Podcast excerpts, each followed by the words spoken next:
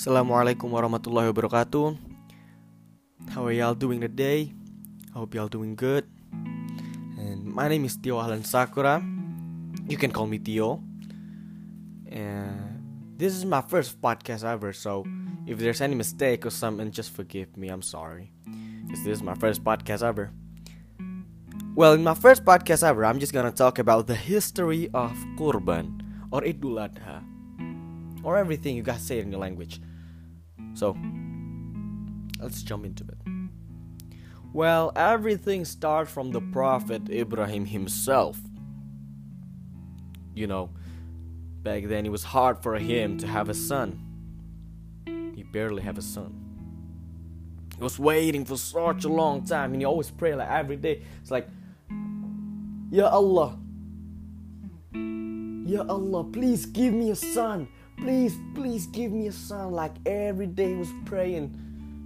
And then suddenly, when he was like 86 years old, Allah gave him his first son. And yes, it was Prophet Ismail.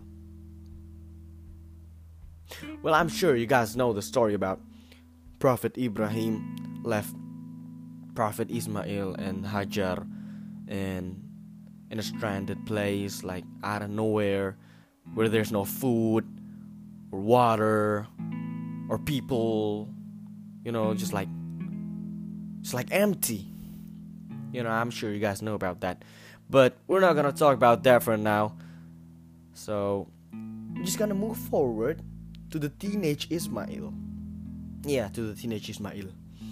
So one day the prophet ibrahim came to ismail and said hey son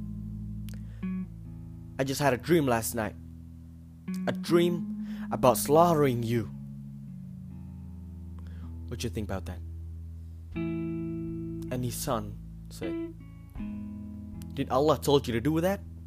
And Ibrahim said, Yes, Allah told me to do that.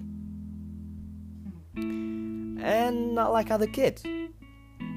Ismail is so brave and his faith to Allah is so strong and pure. You know what he said? He said, If Allah told you to do that, then do it. He is so brave. Not like other son, he is so brave. And you know how Ibrahim feels? He feels so sad. Because this, this son, this son is the son he's been waiting for years. He's been waiting for this son. And then when Allah gave him the son that he's been waiting, Allah told him to slaughter him. Do you know how that feel? Imagine if it's you. Imagine if Allah told you to slaughter your own son. What you gonna do? Will you do it? Well, well, I don't think so.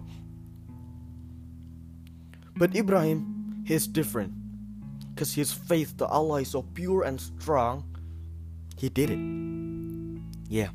He prepared everything. He sharpened the knife. He was preparing his mantle and stuff. And then he lay his son down in front of him. He grabbed his son's forehead and he was ready to cut off his son's throat. He was ready. And then one, two, three, he is cutting his son. Bam! But then, suddenly everything changed. His son magically turns into a sheep. A great white sheep. A huge white sheep. It's a beautiful sheep. Suddenly, Allah changed his son into a sheep. And Ibrahim, he realized everything's like, what? It's a sheep, and where's my son? And it turns out that his son is standing right beside him. Yeah, and as you can see, Ismail is not dead, he's still alive. And Ibrahim, yes, he's so happy to see his son back again. And it was a miracle. Allah turns his son into a sheep. And it turns out that everything was a test. Everything was a test for Ibrahim and Ismail. Allah was testing Ibrahim and Ismail's faith. To, yeah, Allah was taste, testing them. And it turns out that their faith is pure and strong to Allah. So that's why Allah gave him the miracle. Allah changed Ismail into a sheep and let Ismail live. And then Prophet Muhammad told every Muslim in the world until now when it comes to the day of Eid al-Adha or Qurban or whatever you guys say in your language he told every Muslim to sacrifice a sheep or a goat or a cow just to honor Ibrahim and Ismail because of their braveness and his true faith to Allah. And that's where it all began. Until now, we're still doing it. Yeah. Well, that's it for today. I hope y'all get the message and I hope y'all enjoy the story. Well, that's it. Thank you for listening. Wassalamualaikum warahmatullahi wabarakatuh.